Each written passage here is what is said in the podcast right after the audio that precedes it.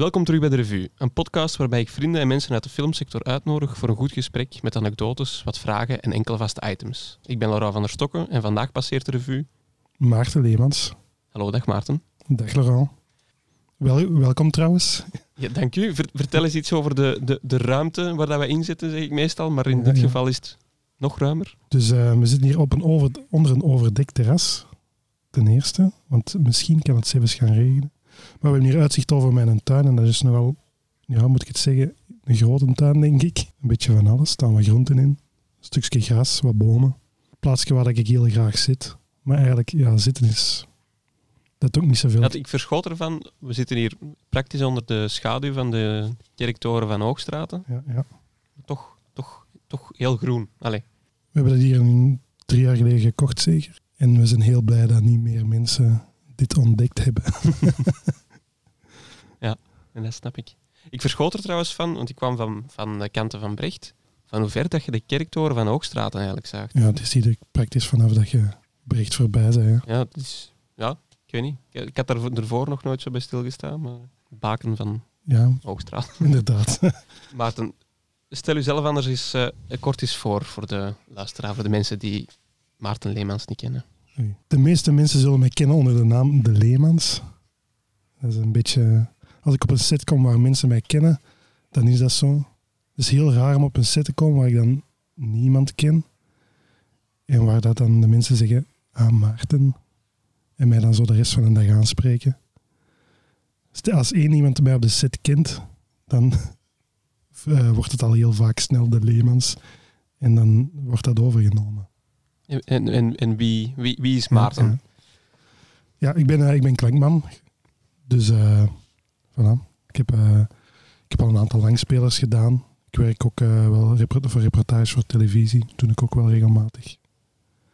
Dat is eh, zo wie ik ben binnen de sector. En, en wie, is, wie is de Leemans buiten de sector? Ja, dat is een, een heel moeilijke vraag. Wie ben ik niet buiten de sector? Ik ben nogal met van alles bezig. ik ben voor, nu ben ik mijn huis aan het verbouwen, wat zeer interessant is in deze tijd. Aangezien het niet zo druk is in de sector, kan ik daar nogal veel tijd in steken. Dus ik ben zelf dat huis aan het verbouwen. Ik hoop dat binnen een eh, maand of drie zeker, maar nee, vier, zoiets klaar te hebben. Het zal nodig zijn, want dan komt er een gezinslid bij bij ons. Dus, eh, Proficiat trouwens. ja, dank u, dank u. Ja, dus we kijken er naar uit en we kijken, we kijken ook heel hard naar uit dat de werken hier gedaan zijn. Dat we terug een beetje een normaal leven kunnen hebben. Niet meer op de beton moeten koken zoals je al hebt gezien. Dus eh, ja, voilà. En dan voor de rest ben ik nog bezig buiten, buiten dat verbouwen. Ik zit, eh, ik zit bijvoorbeeld ook in de, in de gemeenteraad in Hoogstraten als gemeenteraadslid. Dat is eh, zeer leuk. Mm, Soms. Soms minder leuk, maar het is wel een heel interessant eh, ding om te doen. Daarbuiten zit ik ook nog in een aantal hoogstraatse verenigingen. En, eh, culturele verenigingen waar daar leuke projecten mee doen. Daar zijn we ook met een nieuw project mee bezig. Daar komen we misschien straks nog wel toe, denk ik. Dat is goed. En hoe, hoe kennen wij elkaar? Hoe kennen we elkaar? Ik denk dat we elkaar een eerste keer zijn tegengekomen op de set van Imagekanda. Word jij daar opnameleiding? Eh, dat was Of, bij, eh, bij bij Black. Black. Bij. Black, ja. Ja. Voilà.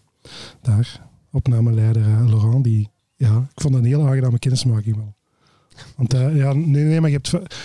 Je hebt, je hebt mensen binnen, nieuwe mensen binnen de sector. Je hebt, je, hebt- je hebt daar ja, verschillende gradaties in. En je hebt mensen die dat daar zich heel integer opstellen en heel geïnteresseerd zijn van hoe, dat- hoe gaat de set eraan doen, aan toe en wat kan ik hier leren. En ja, ja jij waart zo een die zeer geïnteresseerd was in alles en ehm, vooral veel luisterde en graag zijn job deed. Dat vond ik wel heel tof. Merci. Ja, het was, eh, dat was ook dat was mijn eerste jaar iets ook. Hè. Dus Ja, dat was echt zo, dat was zo eerst, e- e- effectief onze eerste ervaring toen. Ik stel voor dat we meteen in ons eh, eerste segmentje vliegen. Mhm. Eh, dat segmentje noemt Nostalgie. Ik weet dat je de podcast nog niet geluisterd hebt, maar ehm, er zijn nog geen jingles. Maar ik vraag altijd aan de gast om een jingle te bedenken eh, voor het segmentje Nostalgie. Dus eh, Maarten, je krijgt eh 10 seconden om eh, iets uit je mouw te schudden. Ik, moet, ik, moet, ik moet hem met mijn mond maken, Ja, dat is de bedoeling. Ja. tien, tien seconden. Ja. Ik kan wel een heel gek geluid maken met mijn mond, wat misschien niet veel mensen kunnen. Dat is ook perfect. Bij deze de jingle voor nostalgie.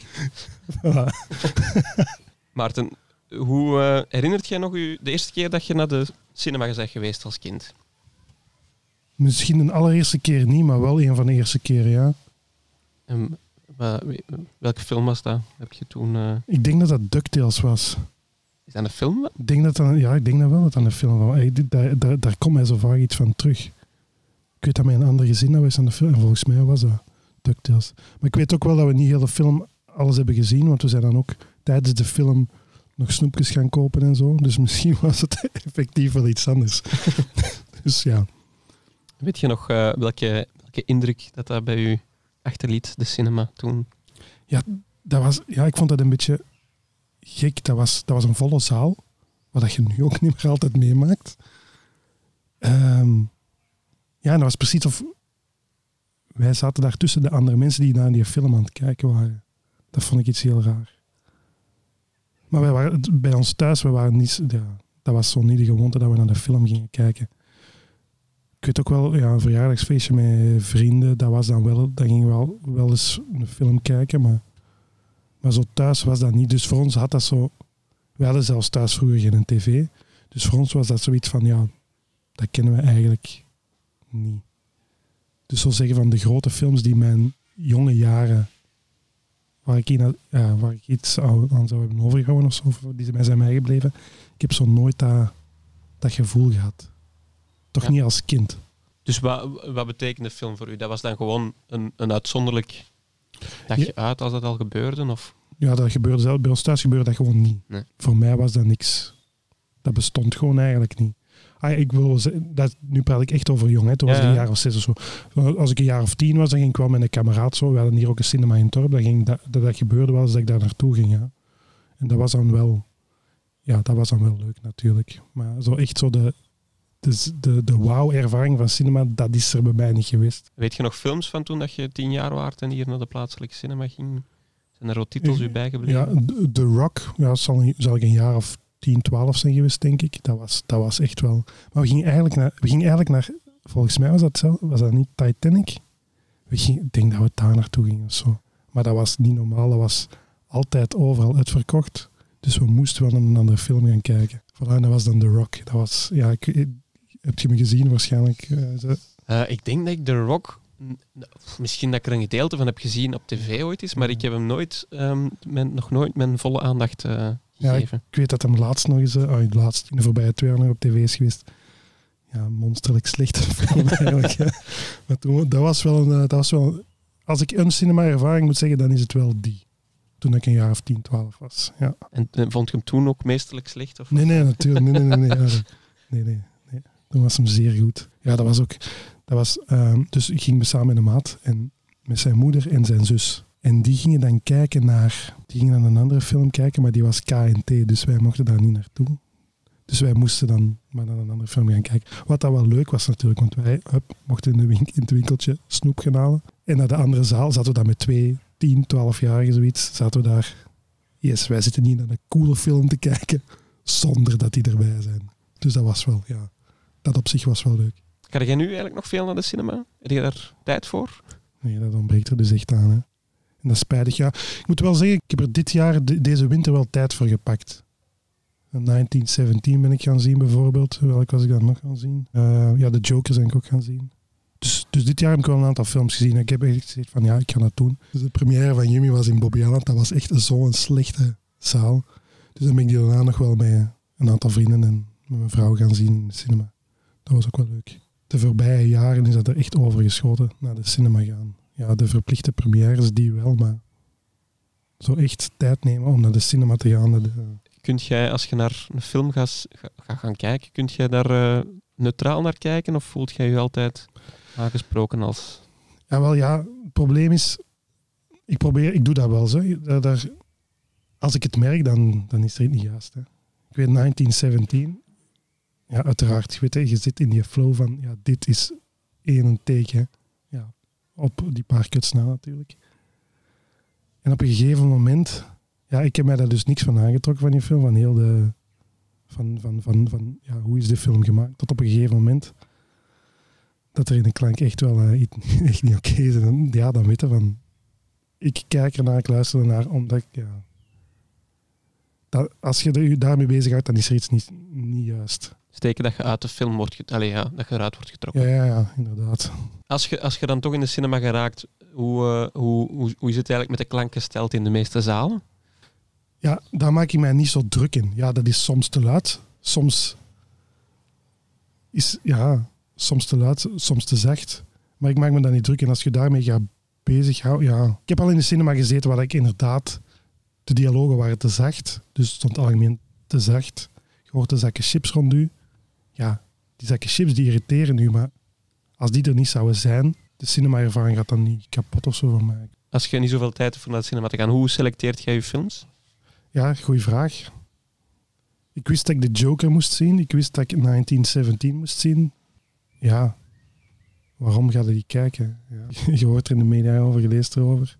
Er zijn zoveel goede films dat ik ongetwijfeld mis. Maar voor mij, ja, dus die cinema-ervaring had ik voel. Ik heb die eigenlijk als kleine niet gehad. Dan. Dus ik heb zoiets van, ik, ik, voor mij, ik heb ook een kleine tv thuis. Mijn ge- geluidsinstallatie van mijn tv is echt niet oké. Maar dan kan ik mij 100% concentreren op die film zonder dat ik mij druk maak in andere mensen rondom mij. Want dat is het grootste probleem dat ik heb in een cin- cinema, cinemazaal. Ik ben heel blij als er niemand zit. Mhm. Maar thuis kan ik zelf die ruimte creëren zonder dat iets mij stoort. Dus thuis een film kijken, daar kan ik zeker ook van genieten. Voor mij moet je... De techniek is niet het belangrijkste. Het is nog altijd het verhaal en Dus geen, eh, geen audiopurist die een, eh, een 5.1 in zijn living Nee, zet. nee en, eh, zeker niet. Nee, ik denk niet dat ik dat ooit ga doen. Ik ga nooit wel een betere geluidsinstallatie daar zetten bij mijn tv, maar, maar nee, ik ben echt niet zo. Als een film gewoon in stereo. Ik zou niet kiezen om, om, om die per se in 5.1 of whatever. Je hebt cinemazaaltjes waar dat nog altijd gewoon stereo is. Is dat dan slechter? Ja, je hebt die ervaring van die 5.1 niet. Maar heel veel films zijn ook niet 5.1, zelfs in, zeker in Vlaanderen niet. hè. Dus Wat is de laatste film die een diepe indruk op u heeft achtergelaten? dat zou wel 1917 zijn geweest, ja. Kunnen u beschrijven waarom? Wat, wat, wat raakt er u in die film? Dat is, ja, dat is, dat is gewoon een, een compleet afverhaal. Van begin tot einde eigenlijk. eh, behalve dan één momentje waar dat de klank niet zo goed is. Waar ik merkte, ah, ja, dat was ik echt even uit. Het moment dat we in de kelder zitten bij, bij dat Frans meisje in het dorp. En hij begint in zijn zak eten te halen voor dat kind. Dat moment, moet, mocht hem nog eens zien, moeten ze opletten. Dat is, alles, het, is, ja, het is bijna allemaal post-sync. En dat momentje hebben ze denk ik gekozen voor de rechtstreekse klank. En dat is echt niet oké. Dat is echt niet oké. Maar ja, voor de rest heeft film ja, van begin tot einde. Het moment dat hij door, die, door de stad loopt, het laatste, ah, het laatste stuk, en, in die rivier duikt. Ja, maar vanaf dan, ja, maar dat vind ik, vanaf dan is het echt oersterk, vind ik. Hij springt in de rivier, hij klapt uit de rivier, hij ziet in de verte hoort hij die stemmen, die dat lied zingt, ah, die, die gast dat dat lied zingt, dat, dat, vind ik, dat is fenomenaal. Dan, hoorde ook, dan voelde ook zelf ook die relief zo van, hij is er. Heb jij grote inspiratiebronnen of voorbeelden in de filmsector waar dat je naar opkijkt? Of, of, of andere dingen buiten de sector waar dat je inspiratie uithaalt voor je eigen klankwerk? Dat vind ik een heel lastige vraag. Ja, klank is... Je, weet je, je hebt, je hebt de klank van, eh, van een film, van een project. Maar je kunt daar niet zo aan knopen van hoe, is, hoe ze dat ja, gemaakt. Dus dat is heel lastig om dan te zeggen. Ik denk wel dat hoe meer dat je, naar, hoe meer dat je kent, hoe meer dat je dingen beluistert, ziet, dat je een beeld kunt vormen van hoe dat ze die klank hebben gemaakt. Dat wel. En ik denk dat dat dan veel meer is van hoe neem ik dat op? Allee, hoe, welke dingen beeld ik mij in als ik daarmee bezig ben, hoe dat ze tot die klank gekomen zijn. Maar om te zeggen, een echt voorbeeld, ja, nee, dat niet.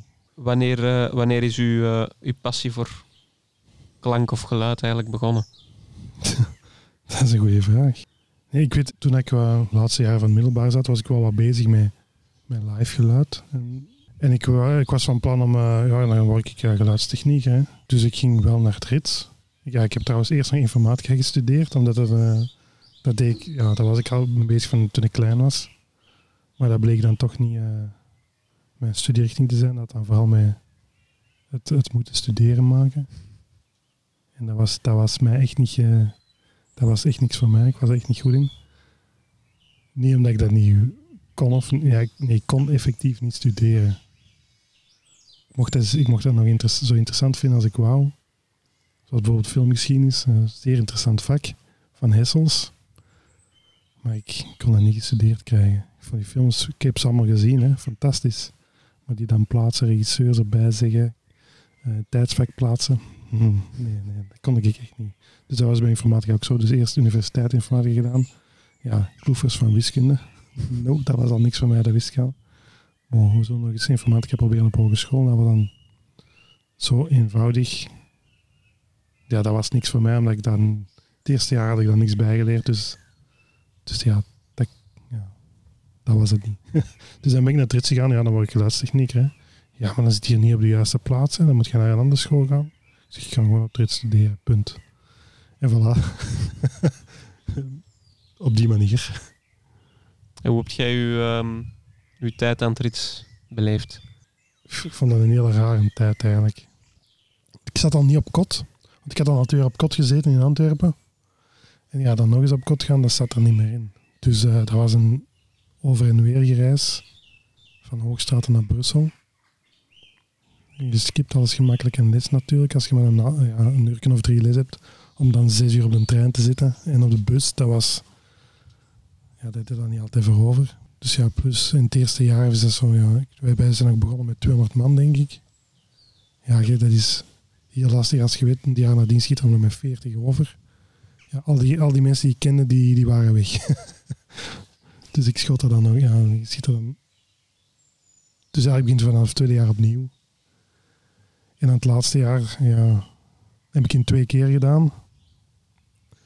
Dus eh dat is heel lastig, dan vallen tussen die twee groepen in eigenlijk. Zo, van, diegene waarmee je zelf gestudeerd, die ken eigenlijk niet.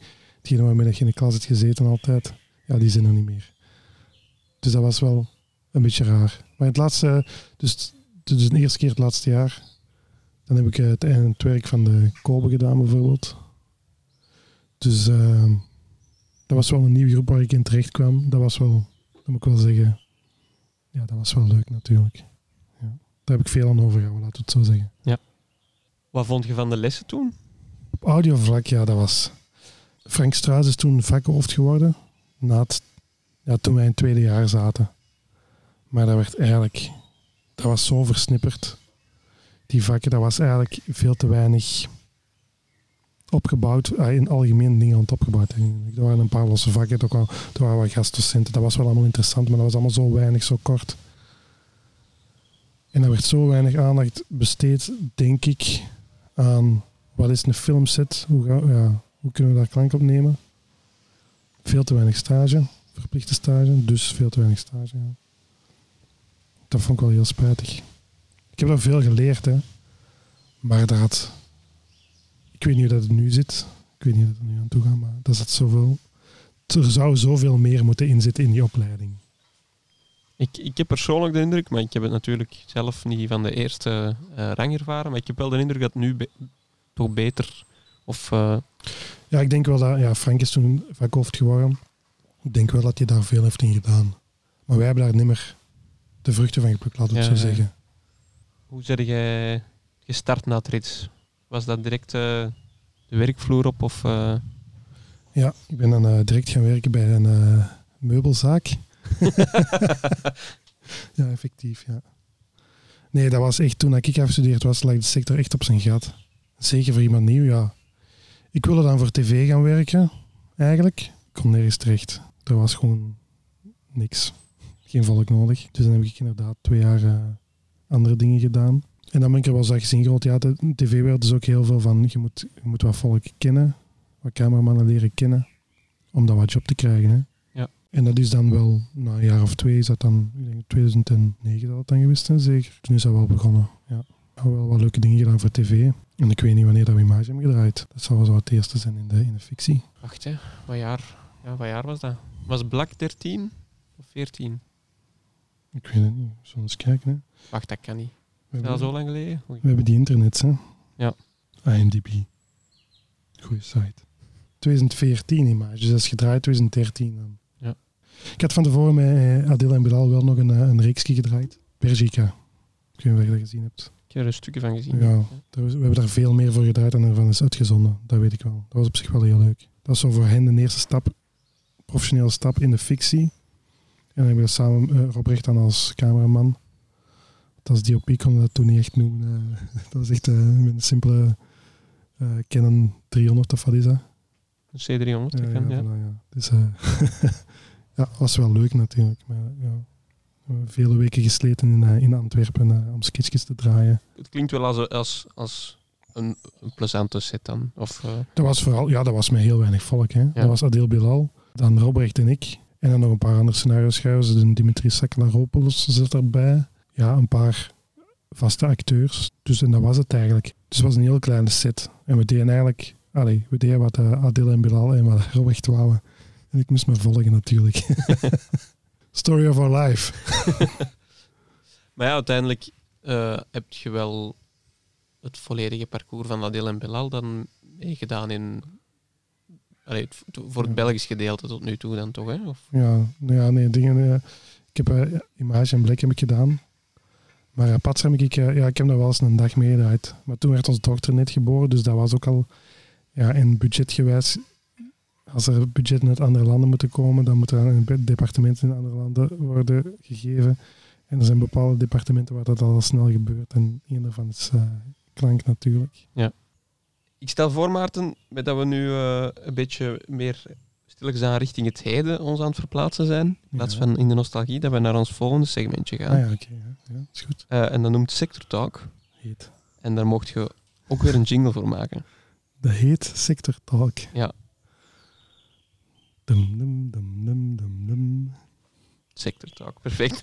Hoe zou je je job beschrijven? Op dit moment? Ja. Ehm, ja, ik heb dus anderhalf jaar, anderhalf jaar thuis gezeten. Ik heb gisteren mijn eerste draaidag gehad ongeveer. Nu ga ik terug beginnen, hoop ik. Ik heb een rugoperatie gehad in april vorig jaar. En sindsdien heb ik eigenlijk niks meer gedaan. Allee, van tevoren ook al, want na, na Yumi, da, ai, tussen, tussen Torpedo en Yumi, is er, is er iets in mijn rug geschoten. Dan bleek een hernia te zijn. En dus na Yumi ben ik echt wel moeten stoppen, want dat was zeer, zeer ernstig. Dus dan ben ik in april geopereerd. En dus heb ik eigenlijk niks meer gedaan. Dus zeggen, wat is mijn job op dit moment? Ja, ik hoop terug job, terug job te vinden, ja. Dat vooral. Ja. Deze, de, het feit dat de, nu, de filmsector nu stil ligt, is voor mij persoonlijk niet erg natuurlijk, want ik zat sowieso al thuis. Dus nu hopelijk op zoek naar nieuwe uitdagingen. Ik ga, ik ga er anders even op inspelen, maar die- is het door het persje dan dat je last hebt gekregen van je rug? Of? Nee, ik denk sowieso niet dat het door het persen is, want nee, veel met een klankzak rondlopen gaat daar niet bij geholpen hebben. Dat, dat vooral. Ja. Het persje aan zich, daar, daar heb ik geen problemen mee. Nee. nee. Maar Ik denk niet dat het daardoor gekomen is. Dat is ook iets wat je, ja, hoe ga ik om met deze ongemakkelijke houdingen? En toch iets vinden, een gemakkelijke houding in een ongemakkelijke houding. En wa- Wat hield je job er, ervoor dan in? Dat is heel wisselend geweest. Dus ik heb zowel tv als film gedaan. De laatste jaren was dat vooral film. Ik heb Yumi en Torpedo vlak na elkaar gedaan, maar ik denk het jaar daarvoor dat ik vooral film heb gedaan. Zeer weinig tv, af en toe wel eens natuurlijk.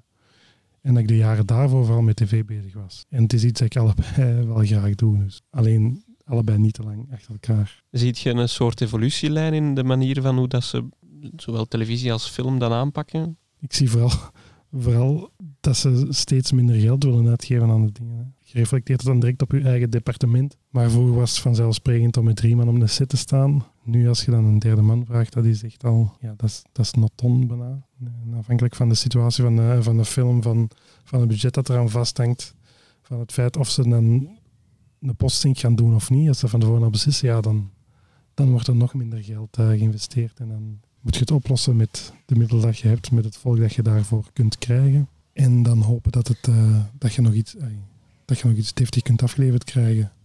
Zelfs al is het maar voor een postzink. Ja. Want dat is niet altijd vanzelfsprekend en dan, daar word je dan wel op afgerekend, ondanks afspraken van, ja, ondanks afspraken daar rond en ondanks het feit dat je daar met veel minder budget hebt moeten doen, wordt daar wel vaak naar teruggegrepen van, komt dat, hadden niet beter je best kunnen doen. Ja, dat had je kunnen, ja. Als, als je het zo cru wilt stellen. Maar er wordt, er wordt dan nu veel meer op post ingezet. Nee, dat, nee, dat, dat durf ik, nee, nee, dat zeg ik niet. Maar dan, bij sommige projecten kan, kan het bijna niet anders dan dat ze zeggen van ja, wij moeten een deel aan posting gaan doen. De situatie zich er zich niet toe leent om deftige opnames op de set te doen. Maar als je dat van tevoren weet, is dat aan zich niet zo erg. Nee. Maar dan, je, je weet waar dat je voor staat, maar dan moet iedereen daar ook wel van begin tot einde, tot aan de postproductie weten dat het zo is. Met dat er misschien minder geld is voor extra handen. Wordt er meer gebruik gemaakt van prikkers dan? Of, of is dat... De, dat, dat is sowieso, maar dat, deed, denk ik, dat heeft wel andere redenen. De techniek heeft de laatste jaren daar rond niet stilgestaan. Vroeger was dat veel omslachtiger om veel prikkers te gebruiken. Nu is dat gewoon veel gemakkelijker. Geeft iedereen een prikker, neemt dat, neemt dat apart op. We kunnen het wel gebruiken. Het zou perfect gaan. Je kunt perfect een film draaien met enkel persje. Dat zou maar dan moet je één volk hebben daarvoor. Dat houdt consequenties in naar de rest van de film ook natuurlijk. Hè. Maar het feit dat een techniek niet heeft stilgestaan, dat het allemaal zo vanzelfsprekend is, heeft niet geholpen bij het feit van hoe dat, hoe dat de workflow op de set nu is, denk ik. Vroeger, vroeger moest je opnemen op twee kanalen. Je moest een mix maken op, op, op set. Nu is het vaak al van, ja, ja, je moet nog altijd een mix maken, uiteraard. Maar nu is het, voor wie maakt jij een mix? Maakt jij een mix voor de beluisteringen op set? Of maakt jij een mix voor de post, waar en al die ISO-tracks dat ze die hebben, om ermee weg te kunnen? Of is het gewoon van, we komen in de post aan, we smijten alles weg en we vertrekken van ISO-tracks? Ja. Dat, ik zeg niet dat dat gebeurt, hè. Maar ai, dat dat de standaard procedure is, hè. Maar dat is wel iets wat ze gemakkelijk kunnen zeggen. Omdat een techniek niet is stilgestaan, kunnen ze dat heel gemakkelijk. Vind je dat daar in, in België nu genoeg tijd wordt voorgenomen in preproductie om, om zo'n afspraken dan... Nee, nee. Daar ben ik van overtuigd dat dat niet is. Allee, de sets waar ik heb gestaan, is dat ook... Ik vind dat er veel te weinig overleg is tussen, zeker tussen, tussen set en, en, dan, en dan post. Maar ik ja, moet zeggen, dat het zal ook afhangen van de set. Maar daar wordt wel te weinig rekening gehouden, denk ik. Ja. Ik denk dat dat veel beter kan. Ja, ik heb het gevoel, hoe dat we het van school meekrijgen, lijkt het alsof dat klank meer een vanzelfsprekendheid is in de manier van omgang. Mhm. Als in, hè, dat wordt opgenomen en dat geraakt naar post. En dat is, eh, wordt zo precies meer zijn eigen wereldje beschouwd als dat dan voor camera... Allee, er wordt heel hard gehamerd op preproductie voor camera en post. En, dat daar, en zeker ook voor de transfer van data. Maar dan heb ik zo het gevoel, de audiodata, dat dat dan ook zomaar een, een appendixje is dat daar... eh, Ja, dat klopt. Ik heb dat gevoel ook. Ik kan ook, ja, of dat dat nu aan de algemeen is in de sector, dat durf ik nu niet zeggen. Maar ik weet wel, voor mezelf persoonlijk, ik heb heel weinig contact met de mensen van Post. Ja, daar wordt wel eens, ja, daar wordt afgesproken hoe levert het materiaal aan. Oké, dat wel. Maar daar blijft het dan ook bij. Dat wordt ook niet, wat ik me ervaar, hè, wordt er niet van uitgegaan dat jij je bezighoudt met het postverhaal. Het is heel vaak post tegen set. Als je op de postproductie aankomt, is het altijd, oh, op de set, oh, dat trekt op niks. Altijd van klank. Het is nooit goed. Maar omdat die communicatie daar gewoon zeer weinig is, denk ik. En ja, wij zitten eerst, ah, het post zit laatst, dus je weet niet dat er dan een slecht trek is. Hè? Ja, dat vond ik tot nu toe wel. Meestal, even van mijn eindwerk was dat dan toch. eh, Is de audio gedaan door eh, allemaal mensen die ook. die zowel audiopost als setklank doen. En het is ook binnen dat groepje gebleven. Dus daar merkte ik wel. Ja, omdat die natuurlijk ja, met hun eigen communiceren. Dat daar Ja. wel meer rekening mee gehouden wordt. Maar inderdaad, als, als, als true line in de sector denk ik dat dat toch. dat er wel wat meer aandacht mag. Zwaar als je, als je zelf ervoor mocht, zelf erin staat voor, voor de post, of, of ja, via me- mensen daar, waar, waar je al mee hebt samengewerkt, dat dat dan. Maar dat is bij alles zo. Hè? Mhm. als dat contact er niet is, ja, dan, is het, dan moet gewoon veel meer communicatie zijn. En dat is wel iets wat ik de laatste twee films zeker heb geleerd. Van, eh, daar was die communicatie er niet. Ook om budgettaire redenen. Er was ook geen, geen tijd al niet. Zo laat beslissingen genomen. Zelfs opzet nog beslissingen genomen die eigenlijk van tevoren hadden moeten genomen worden. Ja, en dan geen communicatie achteraf daarover. Ja, dan, dan, dan, dan botst dat heel hard. En dan resulteert dat wel eens in een, eh, in een kwade mail en of telefoon. En dan hoop ik dat, dat daar wel iets uit wordt geleerd. Ja, als de communicatie aan zich misloopt, dan moet de communicatie over het probleem natuurlijk ook niet mislopen. Nee, nee, nee. Maarten, heb jij een, eh, een eigen visie of een eigen manier van aanpakken voor klank? Zeg jij iemand die meer, meer met prikkers of meer pers? Of eh, heb je daar een, een specie- specifieke visie in? Of, eh, Stil, dodelijk stilte. Nee, ik denk, ik heb al wel heel wat geleerd van de sets die ik nu gedaan heb. Ik heb een workflow, maar ik denk dat dat veel afhangt van de situatie, van hoe dat je, welke micro's dat je gebruikt, eh, welke, welke prikkers, dat hangt heel, af, heel hard af van de situatie op dat moment. Dus nee, ik heb daar niet direct, op die, in, dat, in, dat- in dat opzicht heb ik daar niet direct iets. Als het, als het technisch kan, dan moet dat op de pers perfect zijn. Hè. En dat is niet altijd leuk natuurlijk dan aan het departement, want ja, soms ja, dan moet het gewoon laten. dat heb ik wel geleerd van soms ook te zeggen van kijk, laat het gaan. Als je, eh, als je het gecoverd hebt, is het oké. Als er dan een shot tussen zit dat dat onmogelijk is om, om, om dat 100% goed te krijgen, dan is dat ook niet zo erg. Hè. Je hebt nog altijd een montage. Mhm. Dus dat is niet erg. Hoe ervaart jij je relatie eh, met regisseurs? Met regisseurs. Ja. Dat is heel verschillend. Dat hangt van de ene tot de andere regisseur af. Hè. Je hebt ook die persoonlijke klik. Hè. Ja, het, is, het is leuk als er een klik is met een regisseur. Dat je kunt praten over die dingen. Ook in een postproductie. Ah, ja, als je dan in die, in die studio zit samen, dat je dan samen naar die oplossing kunt zoeken. Van wat is het beste? Ja. Daar hebben we trouwens heel leuke dingen gedaan ook. Hè. Ja. Doe maar eens een, doe maar eens een post-sync. Een acteur die aan het verdrinken is in water. Ja, dat moesten we doen, want bij Torpedo ging dat niet anders. Die stetklank, ja, dat, dat kwam van overal. Maar dat hebben we gigantisch, gigantisch leuk opgelost. Kun je een beetje ja. een van de sluier? Ja, ik kan ja dus, dus, dus eh, op een gegeven moment dus de Stefan Perswel is aan het verdrinken. En hij roept nog naar, naar de Sven, terwijl het aan het ondergaan is. Dus hij is even aan het verdrinken. Ja. Dus eh, is de Stefan op de grond gaan liggen, dat de Sven ernaast de bekers water in de Stefan zijn mond te kappen in de studio. Ja, dat was, was leuk. En dat, klinkt, dat klinkt geweldig goed. Hè. Dan, dan, dan, zijn, dan is zo'n post denk ik heel dankbaar om te doen. Oké, Maarten, na dit technisch intermezzo dat wederom bewijst Ik dat, eh, Ik weet, niet- ik weet niet welke intermezzo dat je bedoelt. dat de wet van Murphy zich het beste toepast in de filmsector. Ja. Ehm, eh, hoe, is uw, eh, hoe is uw relatie met de, de mensen van beeld? Ehm, ja, dat is, dat is heel dubbel. Ehm, ik denk vooral, als je naar DOP kijkt, is die relatie er op de set zo weinig mogelijk. Ja, het is op, de, op de set is er gewoon geen plaats om in discussie te gaan over, een eh, over iets tussen beeld en, en klank. Dat moet van tevoren al duidelijk zijn. Dat je weet, voordat je de scène gaat beginnen, dat je weet wat je gaat doen. En ja, wijk er dan, probeer er dan niet van af te wijken en zeker in de discussie te gaan. Dus ik denk dat die, dat, dat zeer beperkt blijft. Behalve tot, mag je eens even het kader zien, dat jij je aanpast aan beeld. En dat daar niet de grote discussie moet gevoerd worden. Langs de kant, met de, ja, met, met assistenten er wel meer, meer contact. Met de poeler, met, de, met een tweede assistent. Daar wel, ja, dat contact is wel nauwer. En als, daar, als, als, als die relatie goed is, dan dat vergemakkelijkt ook wel heel hard.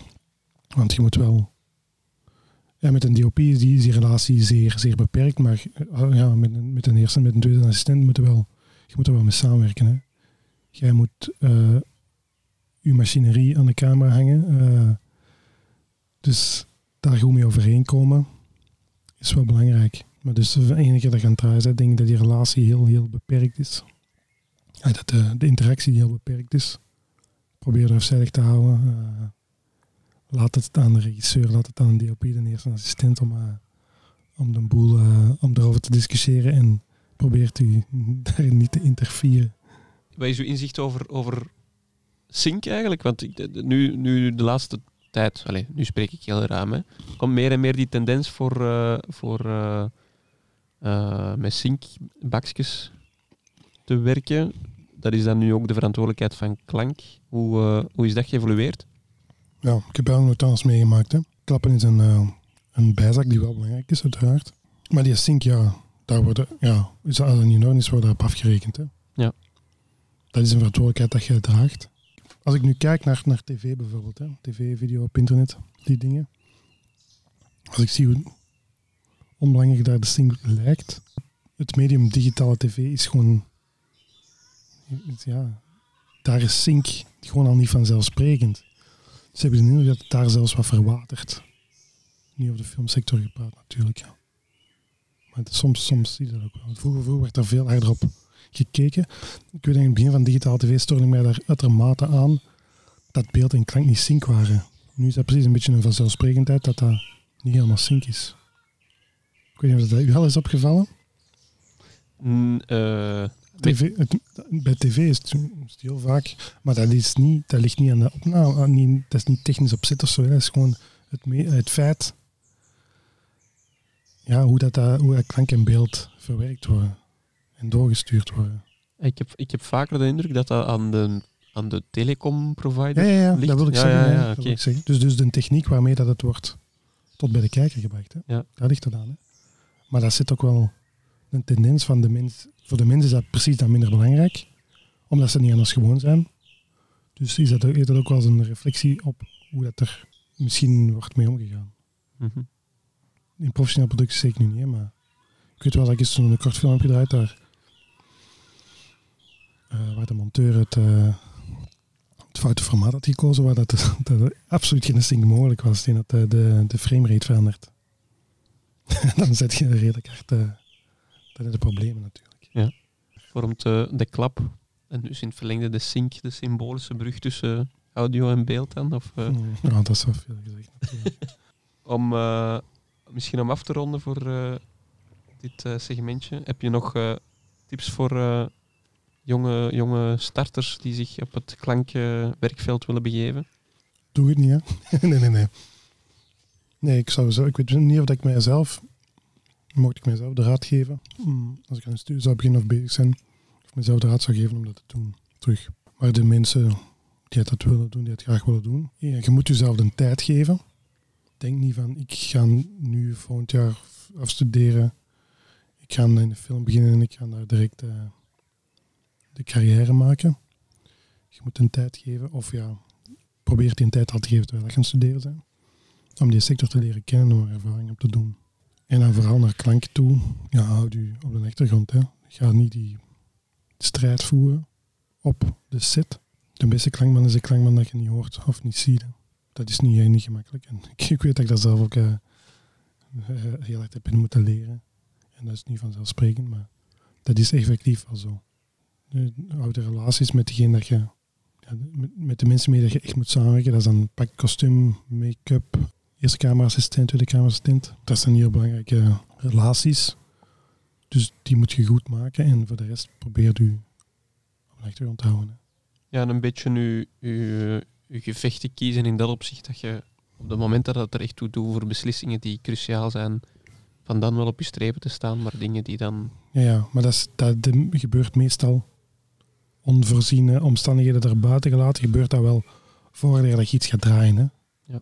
Eigenlijk zou het uiterste geval moeten zijn dat het in een doorloop gebeurt. Dat je dan met een eerste assistent er, eh, kort kunt sluiten eh, wat je problemen zijn en dat je die gaat oplossen. Hè? En als dat niet gaat, als je niet kunt oplossen, ja, dan, dan laat het gaan. Er is niks dat ze niet kunnen oplossen natuurlijk. Ik stel voor dat wij eh, naar ons volgende segmentje gaan, waar dat we eh, nu al deels aan het beginnen zijn. Maarten heeft hier eh, een... Het is moeilijk om te beschrijven, maar ik zal het een confituurkoek noemen. Ja, voilà. Maar moet ik dan een jingle maken? Want Eh, ja, de, de, je mocht een jingle maken voor het segmentje Spotlight.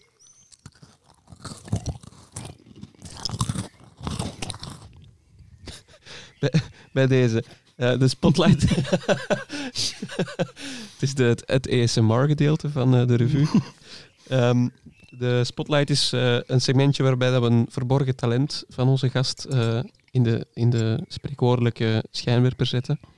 Ehm, en vertel eens, Maarten, wat is jouw, eh, wat is jouw verborgen talent? Wauw, verborgen talent. Nee, ehm, ik, heb het nog, nog zo, ik heb het nogal voor eten en drinken, laten het zo zeggen. Ik kan er nogal van genieten. En ook zelf, om zelf de dingen klaar te maken. Dus ik heb ook een eigen moestuin bijvoorbeeld, waar ik mijn eigen dingen in kweek, omdat dat zeer plezant is. En eh, ik dacht, ja, misschien moet ik dan eh, voor de Laurent maar eens een lekker taartje bakken met eh, vruchten uit de eigen tuin. Weet je al welke vruchten dat je wilt, Laurent? Kan, eh, we kunnen aardbeien gaan plukken, frambozen, eh rabarber kan ook. Dus jij mocht eigenlijk kiezen. Ja, hoogstraten aardbeien. Misschien is dat dan te klassiek gekozen. Ja, misschien. Ja, dat, dat aardbeientaartje van, van mij is natuurlijk, ja, dat, dat, kunnen, ja, dat, is, dat, is, dat is zeer lekker. Maar dat, dat mag, maar frambozen zijn bijvoorbeeld, die hangen er nu ook aan, die zijn ook fantastisch. Of het kan allebei, hè. kan ik een taartje met aardbeien, een taartje met frambozen maken. Het is maar wat je wilt eigenlijk. Ehm, ik, ik denk dat ik voor de frambozen ga kiezen. Ja, dat is goed. Ja. Dan gaan we dat doen. Oké. Eh, en nu gaan we meteen ook een primeur eh, bij de revue hebben. We gaan eh, niets minder dan van achter onze vaste microfoons kruipen en, en veldklank eh, opnemen. Dat is zeker zo leuk. Buiten de studio gaan. Eh, wij gaan even kijken hoe dat we dit technisch gaan aanpakken. Ja. zo. Benieuwd of het lukt. Ga jij of ik of... ik gerust. Vloek ik gerust persje aan. Dat is zalig. Ik kan mijn eigen job doen terwijl jij... Dus we zullen even naar de frambozen gaan, hè, aangezien dat jij frambozen woudt. Ja. Ik hoop dat mijn kabel lang genoeg is. Ik kan er in tussen steken. Ja. Wacht, houd even vast. Ja. Eh, Een meta-toevoeging van de revue.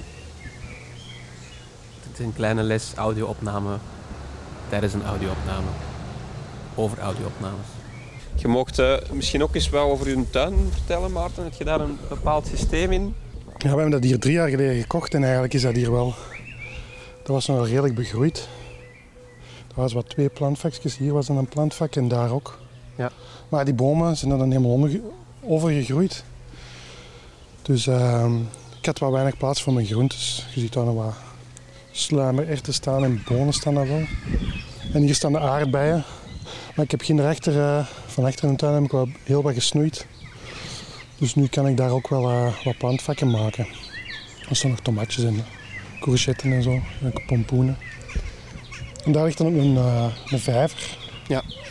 Is nog redelijk verwilderd, maar dat is wel leuk. En dan daarachter staan nog heel veel bomen en nog veel meer frambozenstruiken en bessenstruiken.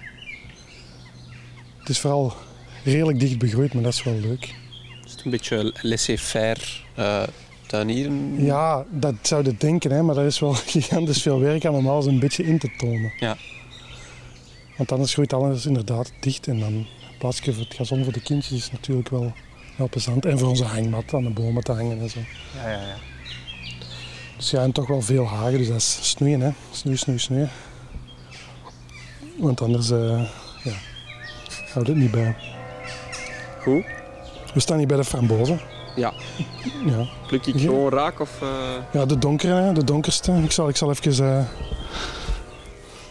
Voilà, de die dus. Ja. Het is, het is niet moeilijk. Dat is frambozen geplukt. Eh, ik heb wel eh wild... Allee, ja, ja, ja. Frambozen en bosbessen wild zo. Ja, maar de frambozen is dus vanaf dat ze loslaten zijn ze eigenlijk rijp. hè. Ah ja. Als, als je ze niet kunt aftrekken, dan moet je ze gewoon nog eh, een dagje laten hangen. Ja. Oké, ja. Misschien even eh, rap plukken en Ja. misschien moeten we ook eens kijken of we eitjes hebben die dat we nog nodig hebben voor onze pudding.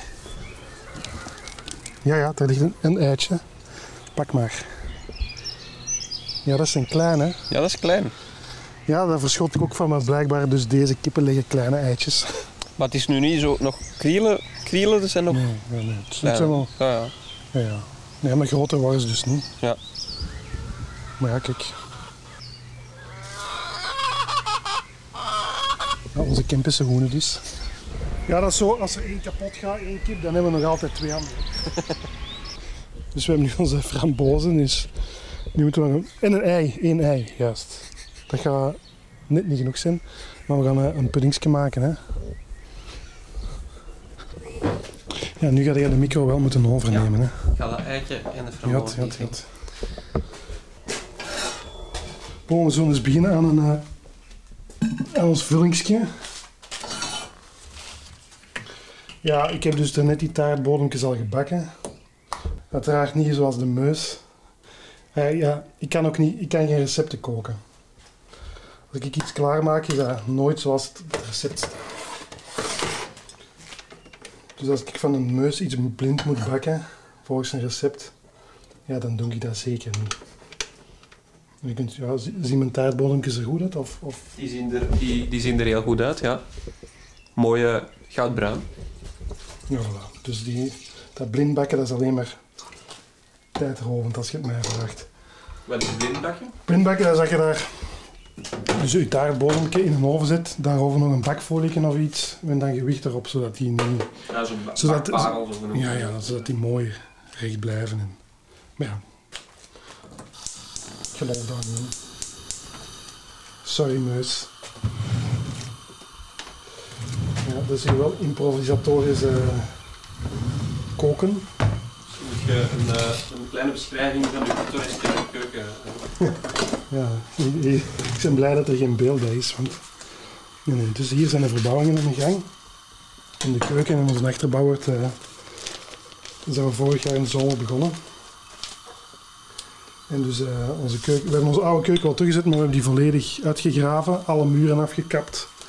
Dak er helemaal af. Zelfs muren helemaal afgebroken en opnieuw gemist. Die buitenmuur, want dat was hier, eh, ja... Ongelooflijk eigenlijk. Dringend toe aan verbouwingen. Dus nu staan we op de, op de beton. Dus, dus hier komt nog eh, leiding op, isolatie, eh vloerverwarming, chap. En dan tegels, hè. Dus dat moet nog gebeuren. En één ding staat al vast, is dat die tegels gelegd worden op 21 oktober. Dus dat is onze deadline. Ja. En dan daarna kunnen we ons keuken opnieuw installeren. Maar dus nu hebben wij onze keuken uitgebroken en die dus wat gezet. We hebben alles. We hebben ons gasfornuis, we hebben warm water, eh. We hebben zelfs een afwasmachine. dat heeft geen twee dagen niet gewerkt.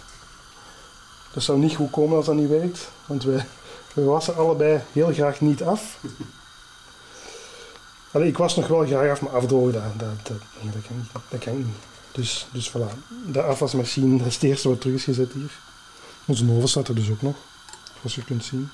Zelfs nog een ijskast. En onze voorraadkast is dan eigenlijk achter mij daar aan de gang verhuisd. Dus als je binnenkomt in ons huis, staat er als het ware in onze voorraadkast. Je weet ineens wat je voorgeschoteld kunt krijgen. Ja, toch een gedeelte. In de kelder staat nog wel wat meer. Voilà. En ik had geen vanille meer, zeg. Dus ik zei, Laurent, ik kan een taartje bakken. En ik weet niet of dat jij een idee, een idee hebt van de vanillemarkt op dit moment. Nee, geen, geen enkel idee. Ja, ja dus, dus het is al twee jaar op rij. Is een oogst compleet mislukt. Dus ga naar de winkel gaan en je koopt een vanille, een vanillestok. Dat kost nu minstens 5 euro op dit moment. Het ziet er niet naar uit dat die prijzen gaan zakken. Dus voilà. Eh, ik heb mijn stokjes dan voor 4 euro kunnen kopen online. Bij vanillestokjes.be. het zijn er goed. Ze zijn goedkoper dan in en beter. Dus eh, je, je hoort het hier, in plaats van te speculeren op de aandelenmarkt, moet je momenteel beleggen in eh vanillestokjes. Ja, ja en een tip. Dus vanillestokjes, die zijn...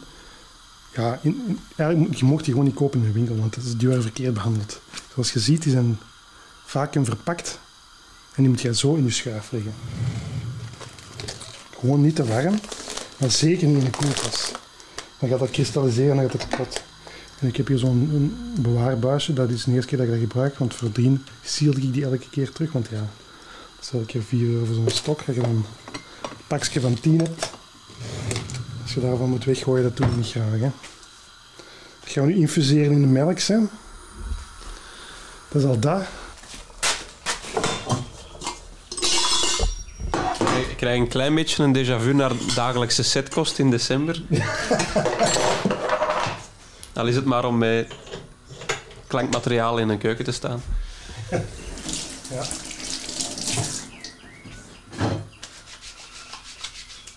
Het nog een beetje WD-40 voor de pan in te vetten. Raar maar waar is dat, heb ik zoveel vragen gekregen voor daar gewoon een heel seizoen van te draaien. Maar volgens mij werkt dat mopje toch maar één keer. Zijn we nu aan het afvragen? Ik kan gewoon vijf eieren van onze eigen kipjes pakken, want dat zijn die kleine.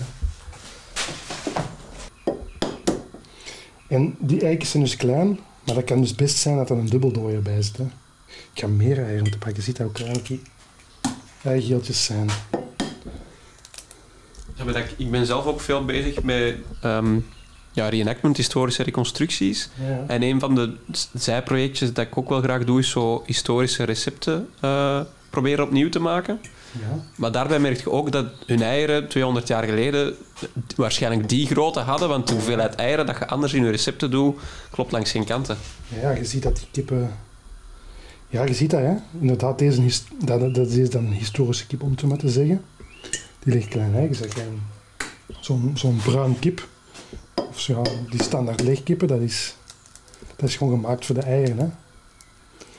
En mijn kippen zijn ook nog schoon. Ik heb nog een interessant boek voor u. Artusi, ken je dat? Nee.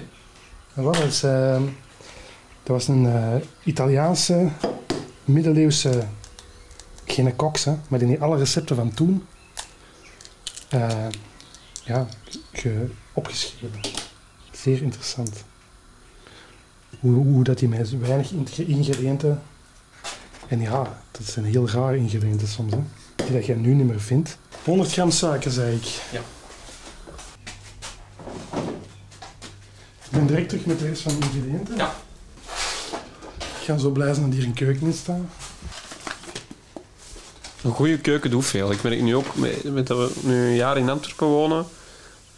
De keuken is, er is niks mis mee, hè, maar ik merk dat die zo... De manier dat die opgebouwd is, Ja, dat. dat dat niet gemakkelijk... Koken is meer een opgave soms door, door hoe dat ze ingericht is dan dat zou moeten zijn. Ja, want een keuken moet niet veel hebben, het moet gewoon gemakkelijk zijn. Hè? Want ja, je weet even als ik, hoeveel mensen zijn er met een keuken met alles in, met een stoomoven. En hoe vaak wordt die gebruikt. Ik kook, als ik thuis ben, kook ik elke dag. Ik heb geen een stoomoven zou leuk zijn, maar als ik die heb, zou ik die wel gebruiken. Tegenstelling tot de mensen die naar de keuken gaan stappen en zeggen, doe mij maar alles. Ik gebruik het niet. Ik ga maar een mixer opzetten, Laurent. Ja.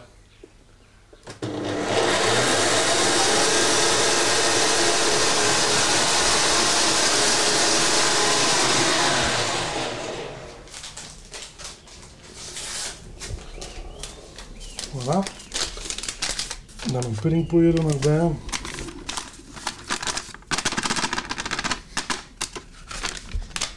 Iets zachter, want anders hangt het overal.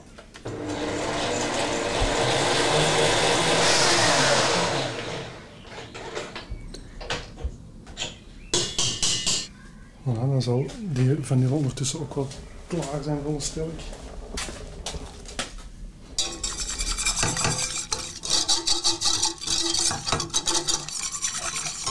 Ja, ik zou dat ook niet kunnen om dat niet met vanille te maken. Van die net vanille. U weet, u weet het trouwens, vanille-extract, uh, vanille-aroma, van waar dat, dat komt? Nee. Dan ga ik het zeggen. Bevergeil. Dus dat is effectief het geil van een bever. Daar zit vanilline in. En dus al die smaakstoffen, vanille-ijs zonder echte vanille, is met bevergeil in. Dat is geen mop, hè. Hoe, hoe halen ze dat van... Hoe... Ja, ik ken een tactiek niet. Ze zullen die melken zeggen, ik weet het niet. Nee, maar dat is effectief waar. Castoreum. Dat is de juiste term. Ja. Precies zo. Het is niet dat ik een levende encyclopedie ben of zo, maar... Ja, als je geïnteresseerd bent in vanille, dan weet je dat dus. Nu ga ik ook weer geen meusje doen, want de meus zegt dan... Je moet dat erbij kappen, een beetje en losroeren. Maar ik had het er helemaal bij en dan giet dat honderd keer gemakkelijker los. Dus ik ga al die melk erbij knallen, zonder de stokken. Met zoveel mogelijk van die zaadjes natuurlijk. Aangedaan met meel. Even deze uit. Zeg jij een taart een bakker? Een bakker? Bak je dingen? Eh, ik, ik kook heel graag, maar qua patisserie en qua desserts heb ik nog maar weinig gedaan eigenlijk. Ja, ik moet nu zeggen, bij mij is het ook op een gegeven moment ineens gekomen van, kom, taartjes maken, want goede taartjes vinden is, is niet gemakkelijk. Hè? En ja, de plaatselijke bakker kan misschien lekker taarten maken, maar niks zo goed als een zelfgemaakte taart met alleen hetgeen erin wat je erin wilt steken. Maar die zie je wel heel geel, hè? Dat is zalig. Dat gaat goed zijn, deze, echt waar. We zijn niet klaar, want we maken daar een crème suisse van. Dat is een banketbakkersroom met slagroom. Dat is geniaal. Het is niet goed voor de coronakilo's, maar wel de smaakpapillo's. Dus nu even opkloppen tot dat kookt. Even laten afkoelen. Slagroom erbij en de taartjes knallen. Hè. Ja, even tussendoor. Ik, ik voel mij heel hard als een eerste jaar die zo bij zijn maat is aan het persen, maar dan zo... Voor de, voor de, voor de luisteraar, eh, eh, Maarten heeft mij dus een, een van zijn persen gegeven en een lange kabel tussen gestoken. Maar ik sta hier zo met de pers half op de heup gerust eh, een beetje naar overal te richten. Dus zo de, de filmset, ja, we zijn vergeten om de klankzak te bestellen. Dus ja, de recorder staat aan Ginder. ja. De mixer, ja, de mixer is, is niet gekomen vandaag. Het is wel goed dat mijn dochter niet thuis is, want anders zou die alles willen doen. Mag ik helpen, papa? wil hij er ook altijd zout bij doen, want ze vindt dat heel leuk om in een zoutmolen te draaien. Ze, ze, doet- ja, ze doet alles na. Dus eh, het is ook, je maakt dan, ze kijkt dan filmpjes op, eh, op YouTube natuurlijk, want ja, je kunt dat niet, niet doen. Dat zoals je kind een tv ontzeggen, dat kun je ook bijna niet doen. Ja, dus slijmfilmpjes op YouTube, ja, dat, dat vinden die mannen direct. Dus dan komt ze haar bed en zegt ze, ik wil slijm maken, papa. Ja, lap slijm. Je kunt het dus effectief zelf maken, zo met lijm en scheerschuim en. Een hele reute met teut. Allemaal ingrediënten die we niet in huis hebben. Dus ja, maak dan maar slijm. Ja, met maïzena en zo. En iets dat op slijm lijkt, dan wil ze dat ook kruiden. Dat ze daar echt, ik weet niet veel komijn in gedaan. Komijn is heel lekker, maar niet, niet in die eh, hoedanigheid. Dus we hebben echt een week lang hier nog die komijn geroken in die keuken. En eh, we hebben sindsdien ook geen komijn meer gegeten in ons gerechten. Onze pudding is klaar. Dan doen we dat nu, net zoals Jeroen Meus, een plastiekje over om te zorgen dat hem niet, eh, dat hem niet hard wordt natuurlijk. Hè. Ik kook heel graag, maar ik, kan een, het zicht is misschien niet altijd 100%. Voor mij moet het in de eerste plaats iets lekker zijn. Hè. Was het programma Bake Off, als daar dan zo iemand in zit. Het is niet dat ik daar standaard naar kijk. Hè. Ik heb er ook wel eens een keer voor gedraaid. Maar dan zijn er van die mensen en die maken dan iets fantastisch mooi. Ziet er kei goed uit. Maar dat smaakt van geen kanten. En die mogen dan meedoen met zo'n programma. Ik- Dat, dat snap ik niet. Allee, als je kookt, dat doet het dan niet voor u. Niet in de eerste plaats voor je ogen. Ai, ik het toch niet. En ja, bij die mensen en bij die jury's. Hè. Maar het is, het is natuurlijk tv, het oog wil ook wat. Hè. Ja. Maar dan nog snap ik dat niet. Voor mij moet eh, die smaak primeren. Hè. Asperges. Man, man, man. Dat vind ik zo lekker. Seizoen niet bijna gedaan? Ja, ja, ja. Dus het op cement. Vroeger v- vroor ik die dan ook in, maar dat is niet hetzelfde. Hè. Dus elke week een keer asperges eten. Vind ik zalig. Voilà, we, gaan, we gaan het hier een half uur in de koelkast laten staan en dan gaan we dat afwerken. En dan nog een half uur en dan is dat klaar. Dan kunnen we dat opeten. Wat er oké is voor je. Zeker. Ah, uw koffie is nog niet op. Dat kan echt niet, hè? De koffie laten staan. Nou, ja, ik normaal ook niet, maar blijkbaar nu wel. Misschien is het ook eigen aan de klankman, maar... Allee, er wordt wel eens gezegd dat je een klankman kwijt bent, ga naar de koffiemachine. Ik drink heel graag koffie. Maar niet omdat ik dat nodig heb, maar ik vind dat gewoon ongelooflijk lekker. Wat is uw, ehm, hoe, hoe puristisch zijt jij over uw koffie? Ja, redelijk. Maar ja, ik vind dat nogal negatief om dat puristisch te noemen. Ik drink gewoon gigantisch graag koffie en goede koffie. Maar dat maakt niet uit hoe dat die gezet is. Hè. Opgegoten koffie kan heel lekker zijn. Maar oploskoffie, senseo, dat kan niet lekker zijn. Hè. Dat moet er echt niet mee afkomen. Ik heb het er straks nog gezegd in dat ik in de tijd voor een meubelzaak heb gewerkt. We gingen leveringen doen bij de mensen thuis. Ik drink graag koffie, dus die mensen vragen, wat wil jij drinken? Koffie. Dat heb ik afgeleerd. Hè? Hoeveel slechte koffie dat er op de wereld wordt gedronken. Ja, drink dan geen koffie. Hè? Ja, dat is, ja, Daar kan ik echt niet tegen. Maar ben ik dan puristisch? Nee, ik drink gewoon graag goede koffie. Wat merk dat het is, hoe dat gezet is, maakt niet uit. Dat dat lekker koffie is, dat lekker koffie. Het kan een kei goede machine zijn met kei koffiebonen. Als dan dat water zo slecht is, dat die, eh, dan heeft dat soms echt zo'n wrange smaak. Ja, dan, dan is het slechte koffie. Hè. Dan mag die nog zoveel kosten. Kan, ja, ja dan, dan mogen ze mij gerust een koffiepurist noemen. Maar ja, ik drink graag goede koffie. ik ben ook wel een beetje zo. Ik ga nu alleen nog maar mijn koffie bij de Corica in Brussel halen. Ah, maar ja, dat noem ik dan, dan dat is dan puristisch. Je gaat je koffiebonen kiezen. Was mijn, is deze koffie goed? Nee, eh, ik, ik heb graag nog wat, wat, wat straffer. Ah ja. Maar ik zet ook eh Bialetti. Dus ik zet... ja, ja oké. ja, maar ja, dat doe ik ook wel. Maar deze is zo de dagelijkse koffie. Hè. Mhm. Ja, ik maak die niet. Ik pak altijd lungo's. Als ik espresso's begin te knallen, ja, dan drink ik er tien op de dag of zo. Mhm. Dat is niet oké, hè? Nee. Ja, ik merk... Sorry, ik ben hier nog half dat koekje aan het eten. Ik merk, ehm, ik merk, merk zelf wel dat ik soms aan mijn espresso-limiet... eh, dat ik erover ga. Ja, ja, dat is iets, dat is iets vreemd. Hè? Maar ik, ik, heb dat, ik heb dat gevoel ook, maar het is niet dat ik dat nodig heb om 's morgens wakker te worden of zo. Ik kan perfect vertrekken thuis zonder koffie en pas mijn eerste koffie op de zit drinken. Ja, dat heb ik ook wel, ja. Maar dan inderdaad, dat je erover gaat, dan is dat echt... Dan voel het. Ja. Maar ja, als ik in Italië kom, dat is goed, naar de bar en een koffie drinken. Hè. Ja. Dat is, ja, zonder twijfel. Zes jaar geleden heb ik ook zo'n reis gedaan. We waren naar de, naar de Franse Alpen gereden. Mhm. Maar we zaten niet zo ver van Turijn. En dan heb ik ook, dan hebben we ook gewoon even de afdaling tot Turijn gemaakt. Tot Turijn zelfs. Ja. Ja, wij gaan daar altijd op vakantie. In Piemonte. Voor de wijn. Maar dan heb ik ook gewoon een, eh, kleine, een kleine dagtrip voor eh, een Italiaans koffietje gedaan. Je hebt dat nog iets meer gedaan. Turijn is een fantastische stad. Ja, het filmmuseum daar. Ja, zalig. En eh, een ijsje gaan eten. Ah ja, En pizza gegeten. Het filmmuseum is, is er boven geweest met de lift. Ehm, Ja, dat is die lift in het midden, hè. wacht ze. Ik, ik heb heel de spiraal naar boven gedaan. De, ja, de nee, trap. maar er is een lift in het midden van het museum, dus dat is bedoeld als Joodse tempel, hè. Dat museum, maar dat is eigenlijk gewoon de koepel van een toren, maar dat is 100 meter hoog of zo pakt. Hè. En die, die lift, dat is een glazen lift in het midden. En die gaat los tot boven in je koepel.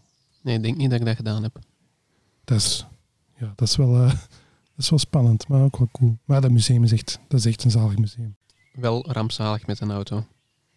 Ik had toen een half jaar mijn rijbewijs. Ah ja, Eh, en dan kom je op eh, Italiaanse rondpunten waar dat je dwars over en rond en vijf rijvakken o- op een rondpunt en Ja. van die toestanden. Vond- toen vond ik dat best spannend. ja. ja Italië is, heeft een zeer rare rijstijl. Ah, ja, dat is echt een macho gehalte op de snelweg en ja, naast de snelweg ook. Ja, ik rijd er elk jaar naartoe met een auto. Crème Suisse. Daarvoor hebben we nodig de pudding. En room. In een potje. Een volledig pakje room.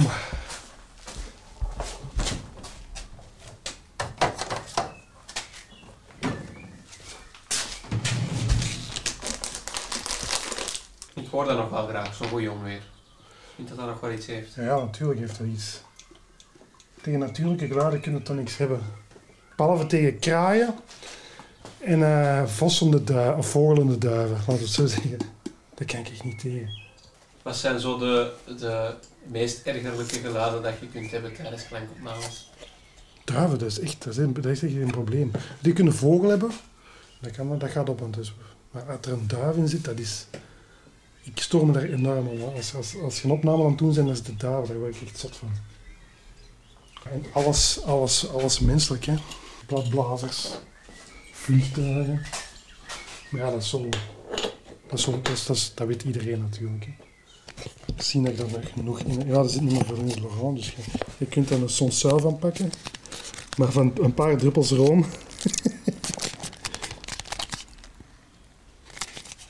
een malsbuikje, zeggen we dan. Een malsbuik. Een malsbuikje. Dat eentje dat van Westmallen overgevlogen? Ja, dat, dat zou ook kunnen. Nee, dat is... Een dat is een dat, eh, dat, dat recht de grond in gaat. Ja. Dat, eh, want ja, tegenwoordig is het oftewel geen regen, oftewel spoelt alles weg. Ja. Maar deze malsbuikje. Ze kunnen ook nog deur wandelen. Je gaat dat niet horen, hè. Ja, de Laurent staat hier met een pers op, op eh, een pot die, waar een beetje uit komt gelopen. Maar ja, dat is nogal dens, dus de consistentie van room laat niet toe om er een sonsuil van te pakken. Dat is de ervaring dat een, een regisseur met een pers in zijn handen helaas nog niet heeft. Hè. Dat, is, eh, Ja, dat vergt... eh, Zijn we klaar voor het kloppen van de room? ja.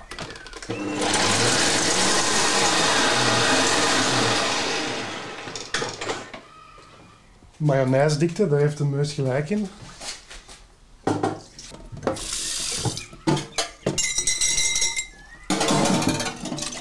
De gelatine zit vast.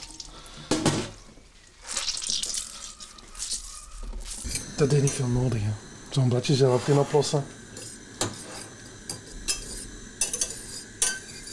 Voilà, bij deze Ko- koken is dan een beetje haat en liefde voor u. Want je hebt de, de liefde van het koken, maar de haat van de, de afwas waarschijnlijk. Ja, maar dat vind ik dat, dat, dat is geen afwas. Hè. Afwas is zo het, het eetgerief. Hè. Ja, zo'n pot dat is niet zo leuk. Van, maar, zo, als je al een tartje maken. Je hebt, er wel, veel afwas in. Maar als je dat veel doet, dan beperkt dat ook wel. Hè. Als ik zo'n taartje maak, zo'n zo'n pudding maken, een crème suisse maken. De eerste keer dat je dat doet, ik weet, ik weet nog de eerste keer dat ik dat deed. Ik ben daarmee begonnen toen mijn dochter één jaar werd. Zo zelf taartjes mee, met echte pudding en zo. Hè. En, eh, dus ik had die bodem. Je moet eerst die bodem bakken. Ah, je bodem maken, laten rusten, bodem uitrollen, bodem bakken. Dan zit er dus al... Dan die pudding nog maken. Die, crème suisse maken. Ja, het in tussendoor laten afkoelen. Ja, dus je denkt, de eerste keer dat je dat doet, zit je er lang mee bezig. Dus ik had die, crème suisse gemaakt. Ik had die in, de, in bakbodem gedaan. Nee, in, in een taartbodem. Mijn dochter was één. En die, stad, ja, die moest per se meekijken. En die had, zo, ja, die had al een schepje van een zandbak gekregen voor verjaardag. En die, die dat in die taart. Dus ik pak die taart weg en die valt gewoon knal op de grond. Ah man. Ja, dus de eerste taart dat ik maakte. Een dag mee bezig. Vuilbaktaart. En zo worden dagelijkse gebeurtenissen anekdotes als je kinderen hebt. Maar kinderen moeten hebben. hè. Allee, als je dat wilt. Niks beter dan een kind van, van een jaar of drie. Ook niks moeilijker, maar... Het is heel vaak dat we over de straat lopen en onze dochters nog wel expressief en eigen, eigenwijs. Dat mensen zeggen, oh zalig, zo'n kindje, oh, leuk, leuk. Ja, voor een half uur wel, ja. Of voor naar te kijken.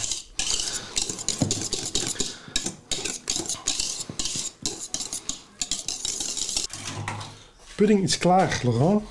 Ah, de crème suisse. Ik nooit pudding tegen een crème suisse. hè. Ah, nee. Dat is een eh, crème suisse. Ja, dat is een pudding plus, hè, een crème suisse. Is het een speciale vultechniek? Ja, ja, de meus zou dat met een spuitzak doen, hè. Maar dat is echt zo'n gevolk. Ah, waarschijnlijk ook omdat ik die techniek niet heb, hè. Want eh, ik heb je al een paar keer gezegd, ik doe dat niet gelijk de meus, waarmee ik mezelf absoluut niet wil overschatten. Zeker niet. Maar ik denk ook niet dat de meus zegt dat hem de waarheid in pacht heeft. Ik heb wel pudding voor acht taartjes. Sorry, crème suisse voor acht taartjes, denk ik. Dan weten we vanavond wat we eten, hè. Voilà, Laurent, dan moeten we nu nog die framboosjes erop leggen, hè. Ga je helpen? Is goed. Oké, hè. Voilà. Zo is dat doen, ze. Doe er dan nog maar eentje. Moet niet, je moet niet zuinig zijn, Laurent. Terwijl ik je pudding aan het scheppen ben. Wil je de lepel al eens aflikken? Subiet. Is goed. Dan het, het smakenpalet beschrijven. Ja, dat mag. Ja, mag. Als ik, dat, als ik hier aan het koken ben, ja, en dus mijn dochter, ik heb het er al veel over gehad, die helpt dan mee, ja. Door die dingen, die kloppen van de mixer. Dan staat hij daar dus mee in de handjes. Wie ben ik, die om, de- wie ben ik om die dat te ontzeggen? De geneugde van het leven, hoe zou de zelf zijn? Laurent, proef maar. Is het goed? Hij is heel goed. Je, je moet je inbeelden dat Maarten nu net de lepel voor mij in mijn mond stak en dat mijn snor nu vol met... Ja, dat is... Hij is heel lekker, heel vol van smaak. En ik denk dat ik er zelfs nog van ga nagenieten als ik nog een druppeltje in mijn snor vind. Voilà, de taartjes zijn klaar. De taartjes zijn klaar. Bedankt om ze mee te beleggen, Laurent. Goed Ja. gedaan, schoon kunstwerk. Dank u. Eh, is de, de, de, ja, de eerste, de eerste hap voor mij om te beschrijven. Ik laat het dan nu, ja. Kunnen we dat, gaan we dat horen?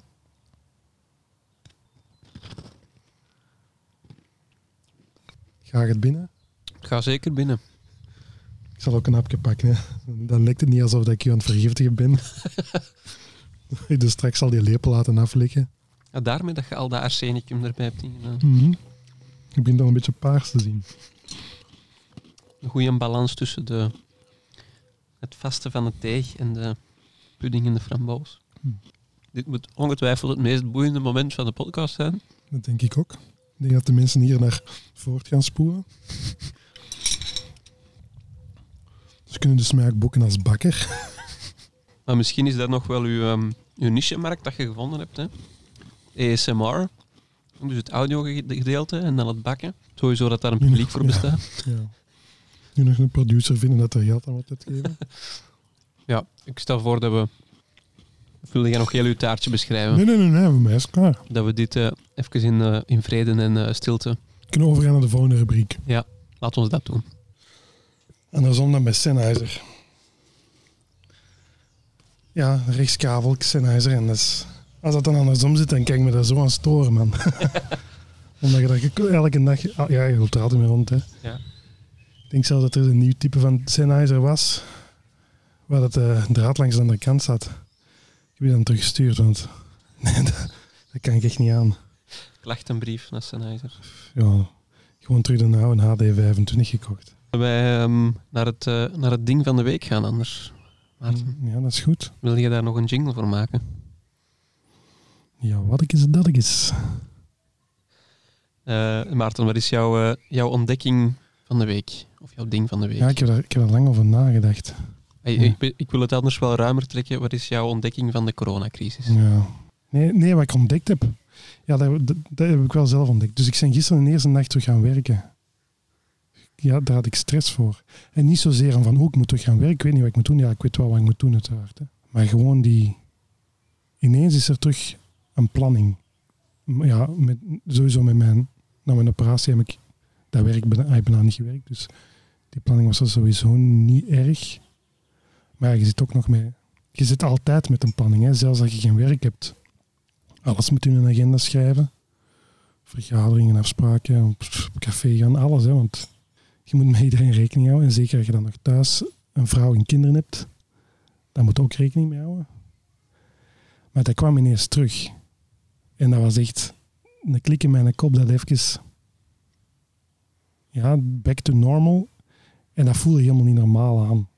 Zo van geen afspraken naar shit, ik moet iets in mijn agenda gaan schrijven. Dus dan, dan komen de, de levensbeschouwelijke discussies of mijmeringen van is dat wel de manier waarop dat wij moeten leven? Want ik kan me voorstellen dat dat bij veel mensen is zo. Die dat wel een, een soort van bevrijding hebben gevoeld. Allee, ik heb dat toch gevoeld. Ik heb, daar, ik heb me daar geen moment druk in gemaakt. In die, allee, qua, qua manier van leven. Hè. Van thuis moeten zitten, niet buiten mogen komen. Ik heb natuurlijk ook niet te klagen met zo'n hof. En ja, we zitten hier maar met, met vier. Dus we hebben de plaats.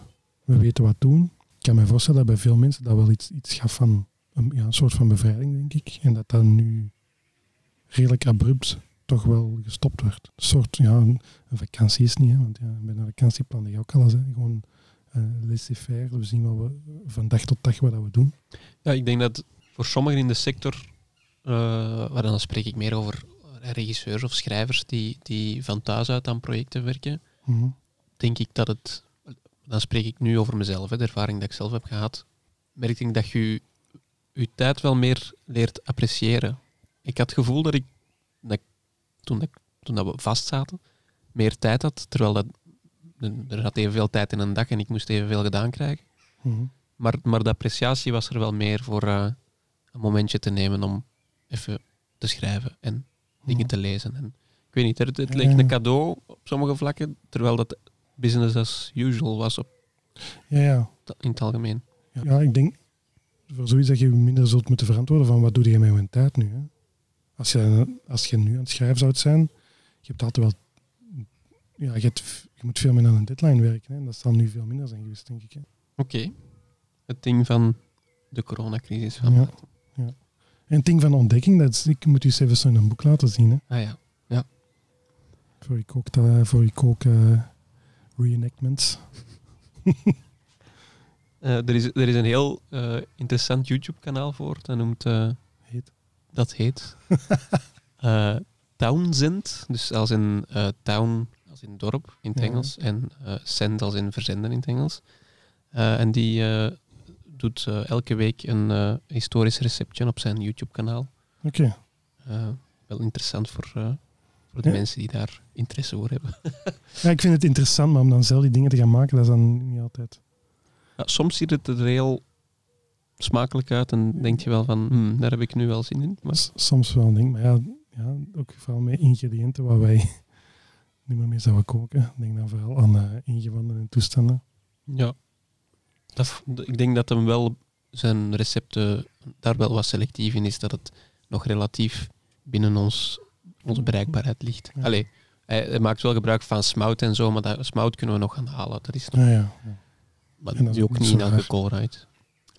Ehm mijn, eh, mijn, ding, mijn eigen ding van de week, allee, of, of van de laatste maanden liever, ehm, is nog een interessante podcast.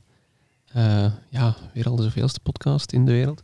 Eh, maar ditmaal van niemand minder dan eh, Roger Deakins. Is Hmm. eh, nu sinds februari, denk ik, met zijn vrouw een podcast begonnen. Waarbij ze ook mensen uit de filmsector uitnodigen voor een Zoom-gesprek, weliswaar. Dat is afgekeken, Laurent. Ik zou je daar een patent op pakken. Deakins, u denkt wel dat dat is. Er zijn veel mensen die me vroegen waarom dat ik de revue niet had verder gezet nu in deze situatie, maar dan digitaal. Maar ik, ik vind een, een deel van de charme is het, het effectief aan tafel zitten met elkaar en het gesprek kunnen voeren in stelling tot eh, een Zoom-meeting. Ja, dat klopt. Ja, ik heb ook al wel wat vergaderingen gehad, digitaal. Dat is echt... Dat is de merd, hè. Dat is niet plezant, gewoon. Het ding van, eh, van de coronacrisis, van eh, ontdekking... Ja, je hebt tijd om dingen te kijken, hè. Dus Netflix, wij hebben daar een abonnement op, maar... Ik, zijn, ik, ik ben niet zo'n on-demand. Voor mij is tv opzetten... hey, ook wel kiezen om het op te zetten. En kiezen voor iets te kijken. Maar eh, zo, zo moeten kiezen echt moeten kiezen. Niet geen kanaal, maar gewoon uit de lijst van zoveel. Dat vind ik zo moeilijk. Maar ik heb eh, Il Pro- Processo gezien. De, de serie op Netflix. Zeer goed. Niet lang. Zes afleveringen, denk ik. Zes of acht. Maar uh, kei goed. Dus als je nog eens tijd hebt, of voor de luisteraars, een zeer goede serie. Over wat gaat het? Het gaat over een, eh, over een proces. Over een meisje dat eh, vermoord is. En dood is teruggevonden. En, eh, en ja, ik ga daar niet te veel over verklappen, maar het, is, dus, het gaat over het proces en, en, en, en de relaties tussen de mensen onderling. Bij deze, een aanrader in, op Netflix te- terug te Ja, vinden. ja, ja. Ja. Het was op aanraden van, van Bart Verrijken. Die had het ook ergens in zijn dingen staan. Hij had gelijk. Bedankt, Bart. Sowieso een trouwe luisteraar van de revue. Ja, dat kan ik me inbeelden. Grote fan van mij. Ehm, is er nog een, eh, een project waar dat jij momenteel mee bezig bent, Maarten? Wel ja, dus ik heb gezegd, ehm, de, fil- de, de filmsector aan zich, sowieso nu is het eh, stil, maar ik heb dus nog niks vast liggen.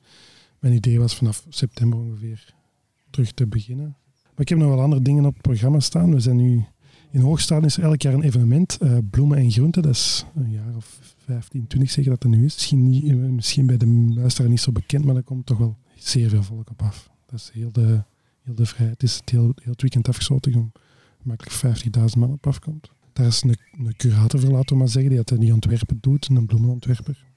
Dat is al een aantal jaren een nieuwe, een nieuwe mens die dat eh, bloemenkunstwerken maakt in de hele wereld. Dus die is wel redelijk bekend. Maar ja, het geweten dat dat gaat met bekende mensen buiten België. Veel mensen kennen die in België helemaal niet. Maar die maakt wel heel mooie dingen. En, eh, dit jaar gaat dat niet door, omwille van de coronacrisis. Maar dus wou ze iets eh, anders doen. En eh, we gaan nu een installatie, ze gaan nu een installatie maken.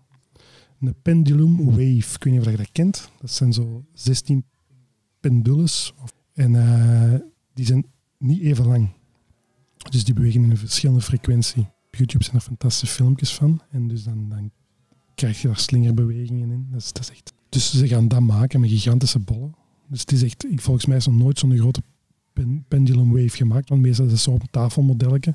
Maar we gaan dat maken vier meter hoog. En dan met bloemen. Die, die bollen worden dan met bloemen bekleed. Ja, dat is voor die, voor die mensen. Maar ik kan dus die technische installatie daarvan, dat, is, dat ga ik op mij nemen. En dan gaan we daar ook een, eh, ja, een, schone film van maken. We gaan een mooi in beeld brengen.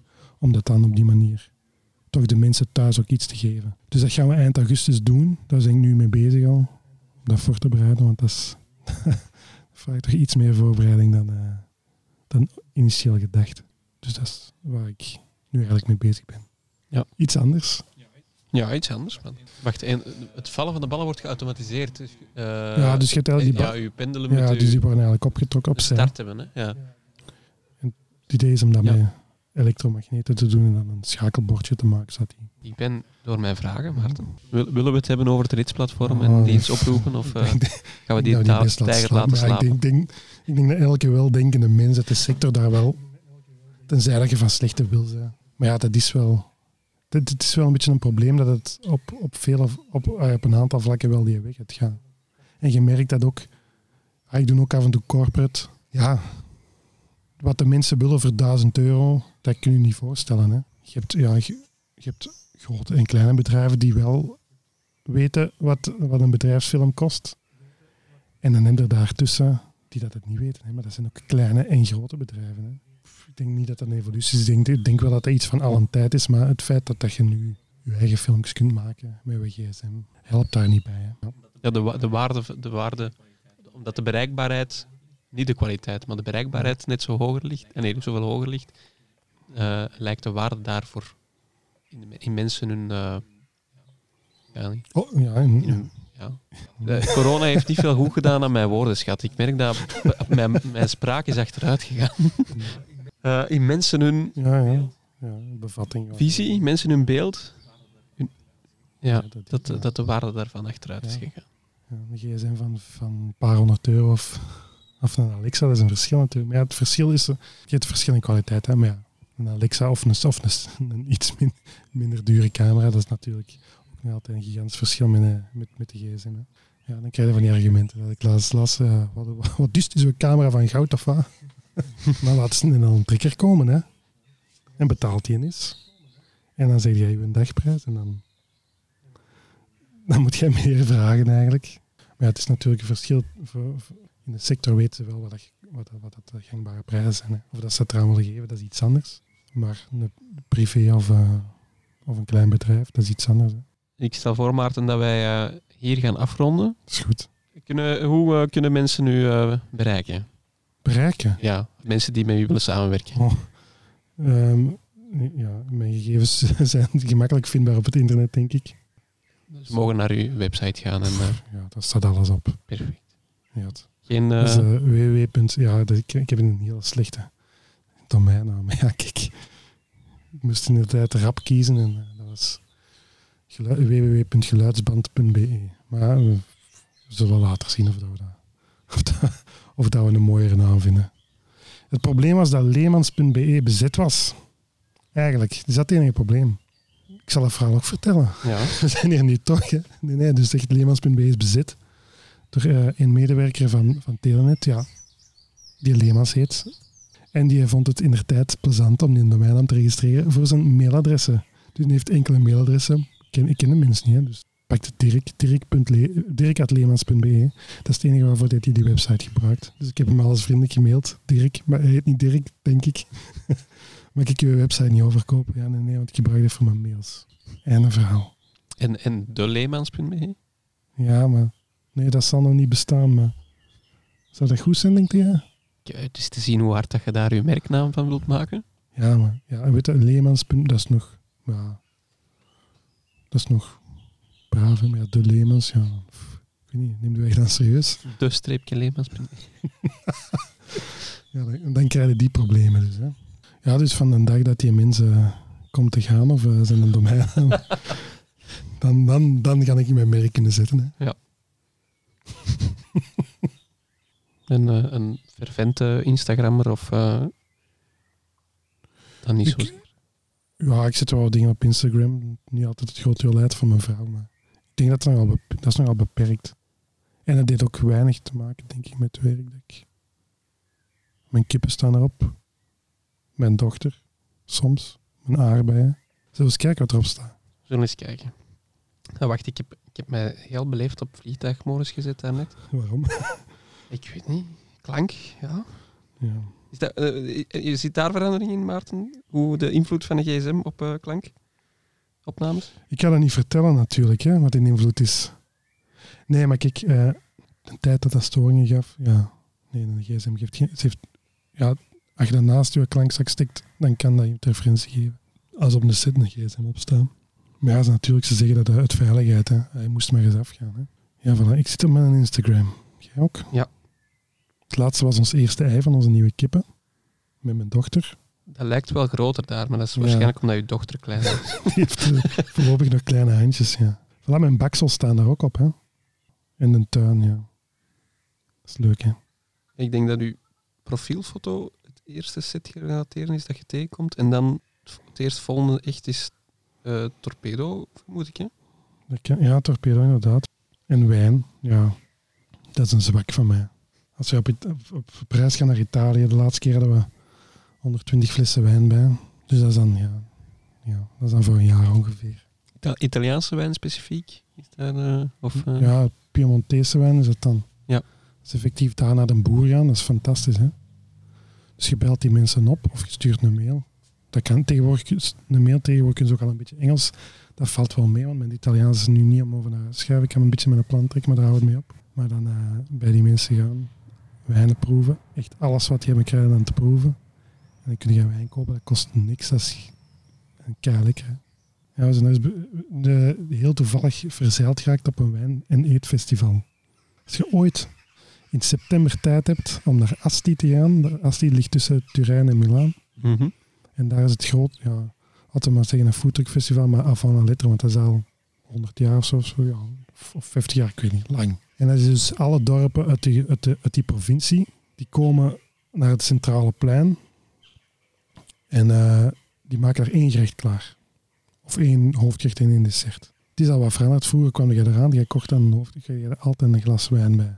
Maar dat is dan zo een, een, een pasta, maar echt à mama. Hè. Dat is echt gigantisch lekker. Kijk goed. 50 standjes zo. Die, die maken dat daarmee, hè, met, met, met potten van, van zonder, zonder te liegen, 200 liter. Ja, dan zo vier potten op het vuur.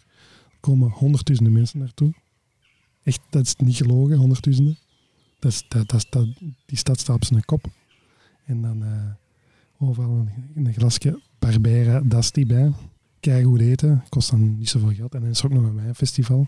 De eerste keer dat we daar kwamen, we wisten niet dat het er was. Heel toevallig. Amai. We, we zijn er elk jaar opnieuw geweest, want dat is gewoon ja, kei plezant. Maar je moet ervoor zijn natuurlijk, maar Italiaans eten, dat, dat gaat er bij mij altijd in. Uh, ik weet niet of dat bij u zit. Ja, zeker wel. Ja, Ja, ja. Deze jaar gaan we niet naar Italië. Ja, dat doet, dat doet pijn. Je hebt toch nog eh, genoeg in uw voorraad staan voor eh, dat overbruggen, Maarten. Nee, dat zeker niet. Maar ik heb dus echt al gedacht, ik ga gewoon naar daar rijden. Naar een paar boeren dat we kennen. We kopen daar onze wijn in. En we zijn terug weg. Hè. Met die eh, wijze woorden gaan wij onze auditieve slash culinaire podcast van vandaag mooi afronden met een, met een, eh, een glaasje. Vlierbloesem champagne. Zelf gemaakt, ja. Is dat een eh, complex eh, proces? Nee, is helemaal niet. Ik zal er nog grap uitleggen, Ja. dan hebben we het een beetje. Je kunt dat nog altijd knippen. nee, nee, vlierbloesems, dat kent je. Dat is, eh, Ja. eh, dus, dus de, de vlier heeft eh, in, in mei ongeveer schone witte grote bloemen. Je kunt daar vlierbloesemsiroop van maken, dat, eh, dat doen we regelmatig. Dat is zeer lekker. Je kunt er ook vlierbloesem champagne van maken. Dat is gewoon geduwd die, een hele hoop van die schermen in water samen met citroenen, citroensap en citroenschil en suiker. En na vier dagen begint die gisting spontaan. Dan giet je dat op flessen en dan laat je dat een paar weken staan. En dan is het een licht alcoholisch, maar zeer sprenkelend drankje. Komt, de, komt de spontane gisting uit de bloesem zelf of uit de Ja. citroenschillen? Nee, die komt uit, de- uit de bloesems. Ah, ja. De citroen, ja, dat is voor, de, voor het zuur en voor de bewaring. Smakelijk. ja. Eh, dan rest er mij u te bedanken, Maarten, Dat is graag gedaan. voor het ontvangst in uw tuin. Ja. We zijn de storm nog voor, alle geluk. Ja, ja. Even een kort windje gehad, maar dat is gaan liggen gelukkig. Dus blij dat we dat hier hebben kunnen doen, denk ik. Ja, zeker. Het is de, de eerste op verplaatsing en we worden ook nog uitge, uitgebeld door de Door de klokken. Het is Sint, wat is het, Sint, Sint-Katrien eh, Catharina Kerk, ja. Onze nieuwe bijaard, ja. ja. bij deze. Maarten, merci. En eh, Graag gedaan. eh, school alvast. Ja. Moet ik hem poppen? Mocht hem poppen.